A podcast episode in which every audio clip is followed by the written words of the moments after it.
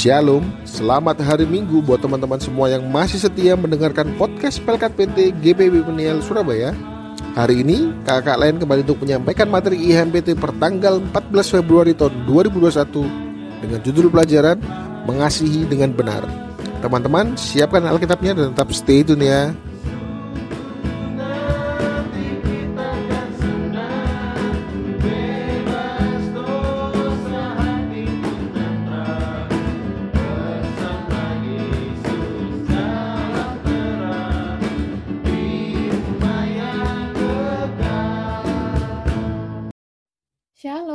Selamat pagi dan selamat hari Minggu adik-adik teruna yang dikasihi Tuhan Yesus Kristus.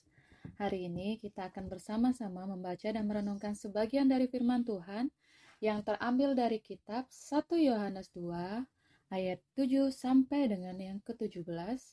Mari kita buka Alkitab kita masing-masing. Kita buka 1 Yohanes pasalnya yang kedua, ayatnya yang ke-7 sampai dengan yang ke-17.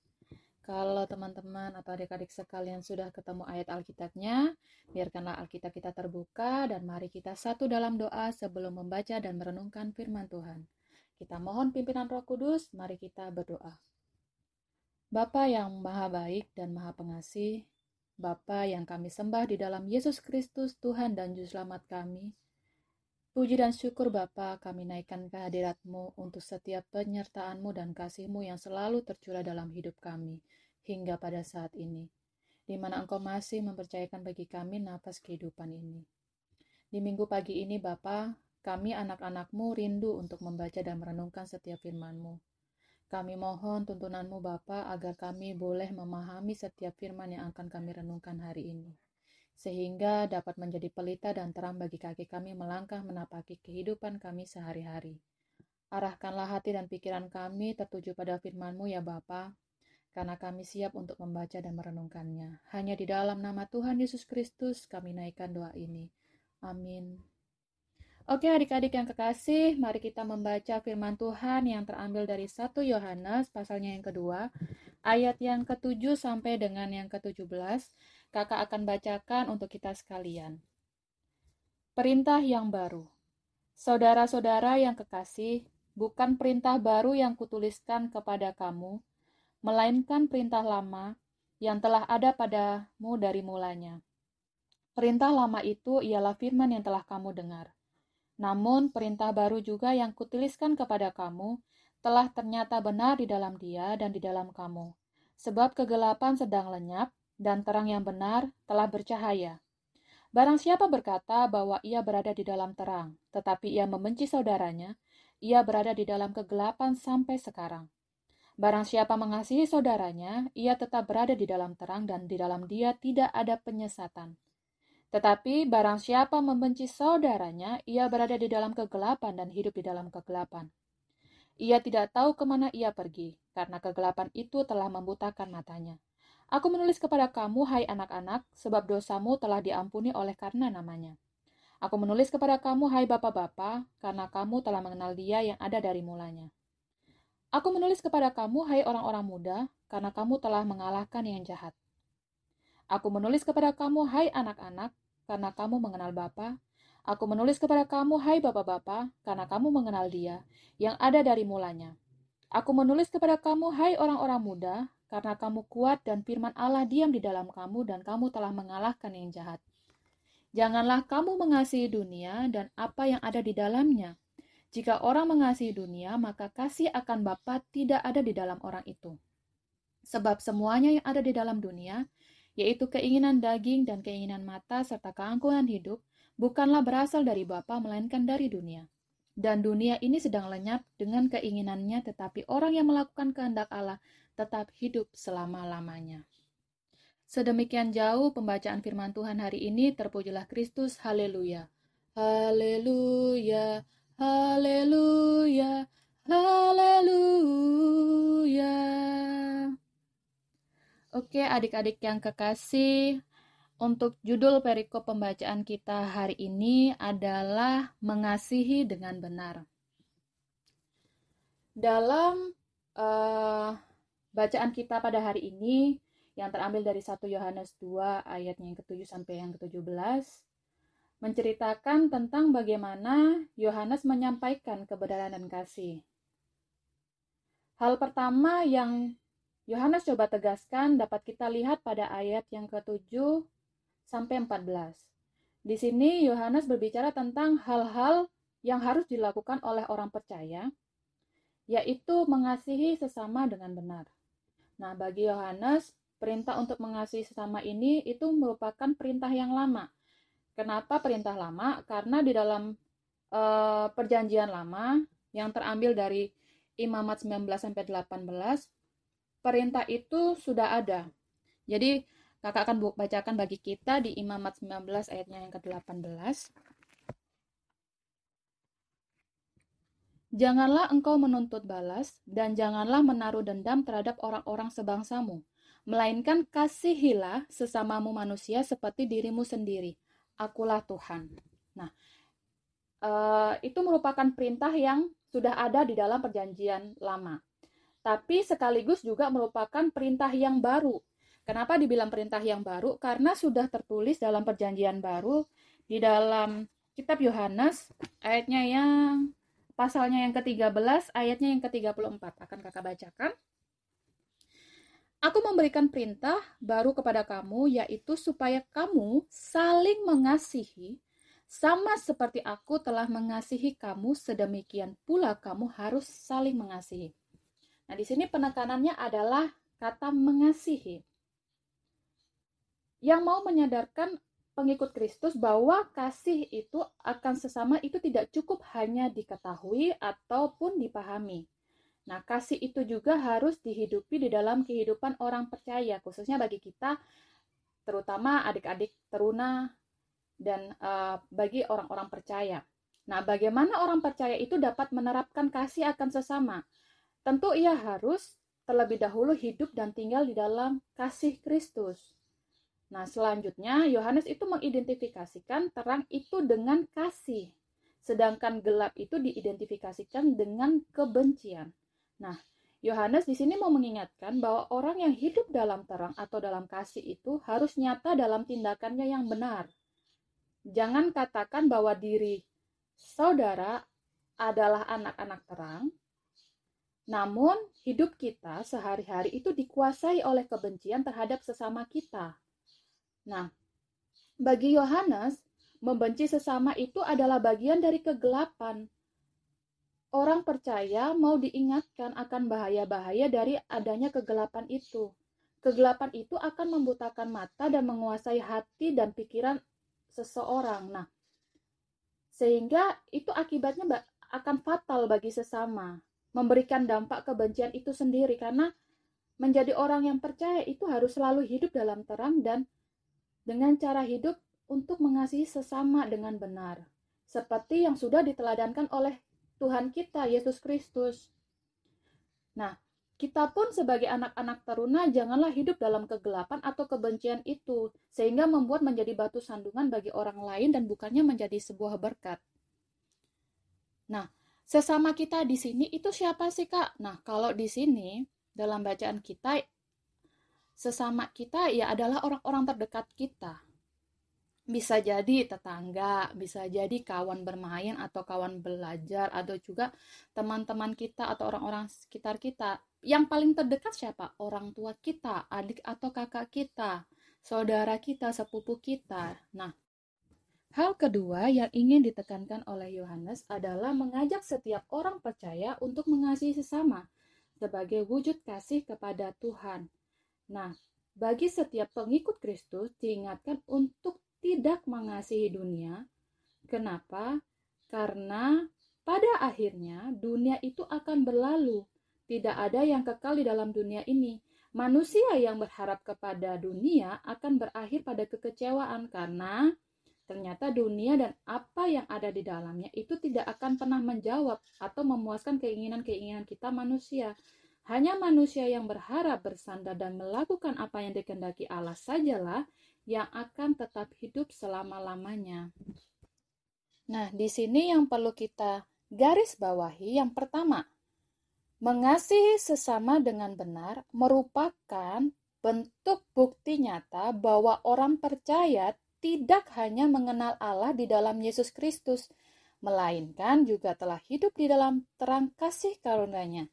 Untuk itu, kebencian terhadap sesama siapa pun itu yang menjadi, menjadi bagian dari kegelapan itu harus disingkirkan dari kehidupan orang percaya. Yang kedua, Orang percaya itu diajarkan untuk tidak bersikap kompromistis dengan apa yang ada di dunia atau yang ditawarkan oleh dunia. Karena apa? Karena semua keinginan daging yang berada di dunia itu sebenarnya bukan berasal dari Allah. Keinginan daging dan mata serta keangkuhan hidup itu merupakan hal-hal yang sebenarnya harus ditaklukkan oleh orang percaya. Karena itu dibutuhkan sikap hidup yang bersandar dan berharap hanya kepada satu, yaitu kepada Allah. Di dalam menjalani hidup, orang percaya itu harus sungguh-sungguh melakukan apa yang dikendaki oleh Allah dengan demikian hidupnya akan menjadi berkat bagi sesama. Kakak yakin kita semua bahkan adik-adik teruna bahkan kakak-kakak layan sekalian pasti ingin hidupnya menjadi berkat bagi sesama dan bukan menjadi batu sandungan. Karena kita ini mencerminkan bagaimana kasih Yesus itu bisa terpancar. Lalu Kak, bagaimana kita uh, sebagai seorang adik layan atau adik teruna itu harus bertindak? Nah, yang pertama, teruna di sini diajarkan untuk bagaimana sih mempraktekkan kasih yang benar kepada sesama. Nggak usah jauh-jauh deh. Bagaimana sih kita mempraktekkan kasih itu terhadap orang tua kita, terhadap adik-adik kita, terhadap kakak-kakak kita. Karena kita selaku anak-anak terang yang sudah mengenal kasih Allah, janganlah kita tinggal terus di dalam kebencian yang membutakan mata, hati, dan pikiran kita. Misalnya, ketika kita mempunyai masalah dengan kakak atau adik kita atau orang tua kita, janganlah kita menyimpan itu sebagai sebuah kebencian yang tidak akan ada obatnya. Jangan sampai kita memendam perasaan emosi, amarah itu berlarut-larut sampai berhari-hari sampai ini. Itu tidak menunjukkan bahwa kita itu mengasihi, tidak. Meskipun pernah disakiti oleh sesama dan itu terasa amat menyakitkan, namun yang perlu kita ketahui adalah kalau kita sungguh-sungguh hidup di dalam kasih Kristus, maka Dia itu akan memberikan kekuatan bagi kita untuk bisa mengampuni. Karena dasarnya apa? Karena kita telah terlebih dahulu menerima pengampunan dari Allah. Yang kedua, orang yang hidup dalam kebencian itu memberi diri untuk dipimpin oleh yang namanya kegelapan. Ingat, kebencian itu adalah lawan dari kasih. Contoh konkret, kita ambil contoh aja tentang kisah Habel dan Kain. Di mana Kain membunuh adiknya. Karena apa? Karena segala perbuatannya itu adalah jahat. Kain sudah dibutakan oleh kegelapan, dalam hal ini kebencian, sehingga dia tega membunuh adik kandungnya sendiri. Bukankah belakangan ini marak sih terjadi pembunuhan terhadap orang-orang terdekat? Ada yang paman membunuh ponakan, ada nenek yang dibunuh oleh cucu-cucunya, ada anak yang membunuh ayahnya, Apalagi penyebabnya jikalau bukan karena kebencian. Nah, kakak tidak berharap adik-adik teruna ini melakukan contoh seperti itu. Tidak, karena kakak yakin bahwa adik-adik teruna itu penuh dengan kasih hidupnya. Jangan sampai kebencian itu menutup hati dan pikiran kita, teman-teman sekalian. Jangan sampai dengan adanya kebencian ini membuat hidup kita jadi hancur. Jangan kita harus bisa menjadi berkat bagi sesama. Itu adalah wujud nyata bagaimana kita mengasihi Allah, terlebih mengasihi sesama kita.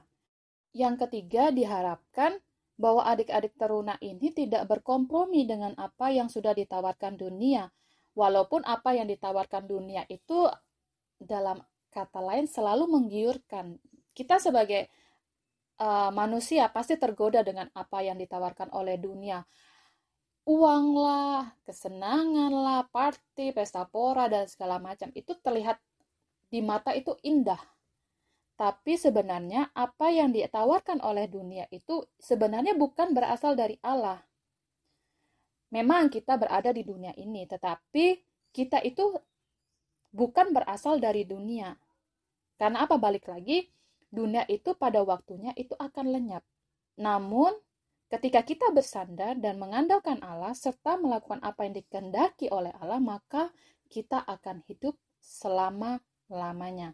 Kakak harap ini bisa menjadi motivasi untuk adik-adik sekalian untuk memahami dengan benar seperti apa itu kasih, bagaimana kita harus menyatakan kasih Kristus terhadap diri kita, bahkan terhadap sesama kita, bagaimana kita tidak berkompromi dengan dunia ini, dan bagaimana kita bisa memilih atau memilah mana yang baik dan yang benar bagi masa depan kita. Apabila kita ingin menjadi berkat dan bukan menjadi batu sandungan, maka kita harus yakin dan percaya, selalu bersandar dan selalu mengandalkan Allah di dalam setiap kehidupan kita. Amin. Adik-adik sekalian, mari kita satu dalam doa. Kita akan bawa setiap pergumulan kita masing-masing, tapi jangan lupa untuk saling mendoakan satu dengan yang lainnya. Kakak akan pimpin doa syafaat ini, mari kita satu dalam doa. Bapa yang bertata di dalam surga, kami bersyukur dan berterima kasih Bapa untuk setiap penyertaan-Mu yang sungguh luar biasa dalam kehidupan kami hingga saat ini. Terima kasih ya Bapa untuk setiap firman yang boleh kami baca dan renungkan di pagi hari ini. Biarlah firman-Mu boleh menuntun kami untuk hidup seturut dengan kehendak-Mu. Kami boleh berlaku sebagai orang-orang percaya yang menyatakan kasih kepada sesama kami di mana pun Engkau menempatkan kami. Bapa, melalui syafaat ini kami ingin berdoa untuk orang tua kami ya Bapa, dalam setiap usaha dan kerja mereka, dalam setiap keletihan mereka untuk memenuhi setiap kebutuhan kami anak-anaknya. Berikanlah kesehatan bagi orang tua kami, berikanlah kekuatan bagi tubuh jasmani orang tua kami, Tuntunlah orang tua kami ya Bapa untuk menjadi teladan bagi kami anak-anaknya. Jadikanlah pula kami anak-anak yang berbakti kepada orang tua kami, yang bisa membanggakan orang tua kami dalam pendidikan kami terkhususnya untuk meraih cita-cita kami ya Bapa. Serta kami bisa menyatakan kasih kepada orang tua kami dengan sepenuh hati ya Bapa. Berkati pula saudara-saudara kami, kakak atau adik kami, sanak saudara di mana pun mereka berada dalam kehidupan mereka, Engkau mau jaga, Engkau mau lindungi mereka ya Bapa. Bapa, kami pun ingin berdoa bagi Pelkat PT, bagi kakak-kakak layan kami, serta bagi teman-teman kami di mana pun mereka berada Tuhan. Tuhan mau senantiasa memberkati mereka, Tuhan mau berkati agar Pelkat PT ini bisa menjadi wadah agar kami bisa mengenal Engkau lebih dekat Tuhan melalui firman yang diajarkan. Kami rindu Bapa untuk dapat bersekutu bersama dalam ibadah hari Minggu Persekutuan Teruna. Namun dalam kondisi pandemi ini kami pun tidak dapat bertemu bertatap muka satu dengan yang lain Bapa. Kami rindu Tuhan untuk memuji dan memuliakan namamu bersama dengan kakak lain dan teman-teman kami yang lainnya Bapa. Kami yakin dan percaya Bapa bahwa suatu saat nanti ketika pandemi ini berakhir kami pun boleh bersama-sama beribadah dalam IHMPT uh, eh, bersama dengan kakak lain dan teman-teman kami. Bapa, kami pun ingin berdoa Tuhan untuk gereja GPIB terkhususnya gereja kami GPIB Peniel Surabaya. Tuhan mau sertai Bapak Pendeta, para majelis, bahkan setiap jemaatmu dalam kehidupan mereka Tuhan, dalam keluarga mereka, dalam tugas kerja mereka, di mana pun Engkau menempatkan mereka. Ketika Engkau pilih mereka untuk melayani Tuhan, biarlah pelayanan itu untuk memuliakan Engkau. Berkati setiap orang yang selalu mengambil bagian dalam pelayanan kepadamu ya Bapak, Biarlah gerejamu ini boleh menyatakan kasihmu di dunia dan boleh menjadi berkat bagi orang banyak. Tuhan kami juga mau berdoa untuk bangsa dan negara ini Bapa. Tuhan ketika pandemi ini melanda perekonomian yang tidak stabil Bapa, kami mohon kuasamu untuk pulihkan bangsa kami Bapa. Pulihkan dunia ini Bapa, jangan biarkan pandemi ini terus berlangsung Bapa. Begitu banyak kesengsaraan yang dirasakan masyarakat ini. Namun kami yakin dan percaya Engkau tidak akan meninggalkan setiap umatmu. Berkati pemerintahan bangsa ini Bapa, dari jajaran yang tertinggi hingga terendah sekalipun Bapa. Bapa begitu banyak doa yang ingin kami naikkan Bapa, namun kami yakin dan percaya Engkau mendengarkan seruan doa kami. Hanya di dalam nama Tuhan Yesus Kristus, Tuhan dan Juru Selamat kami yang hidup, yang telah mengajarkan kami berdoa, kami naikkan doa ini.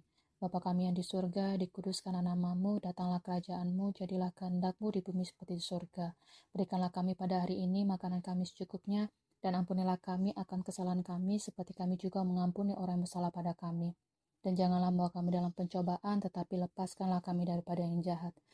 karena engkaulah yang mempunyai kerajaan dan kuasa dan kemuliaan sampai selama-lamanya. Amin.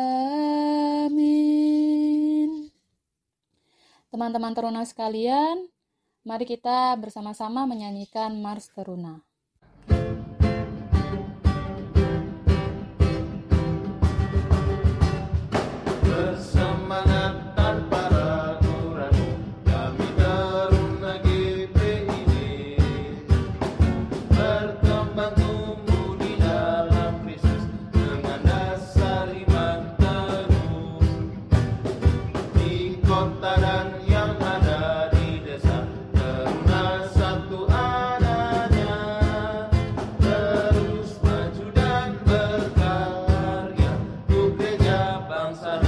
negara.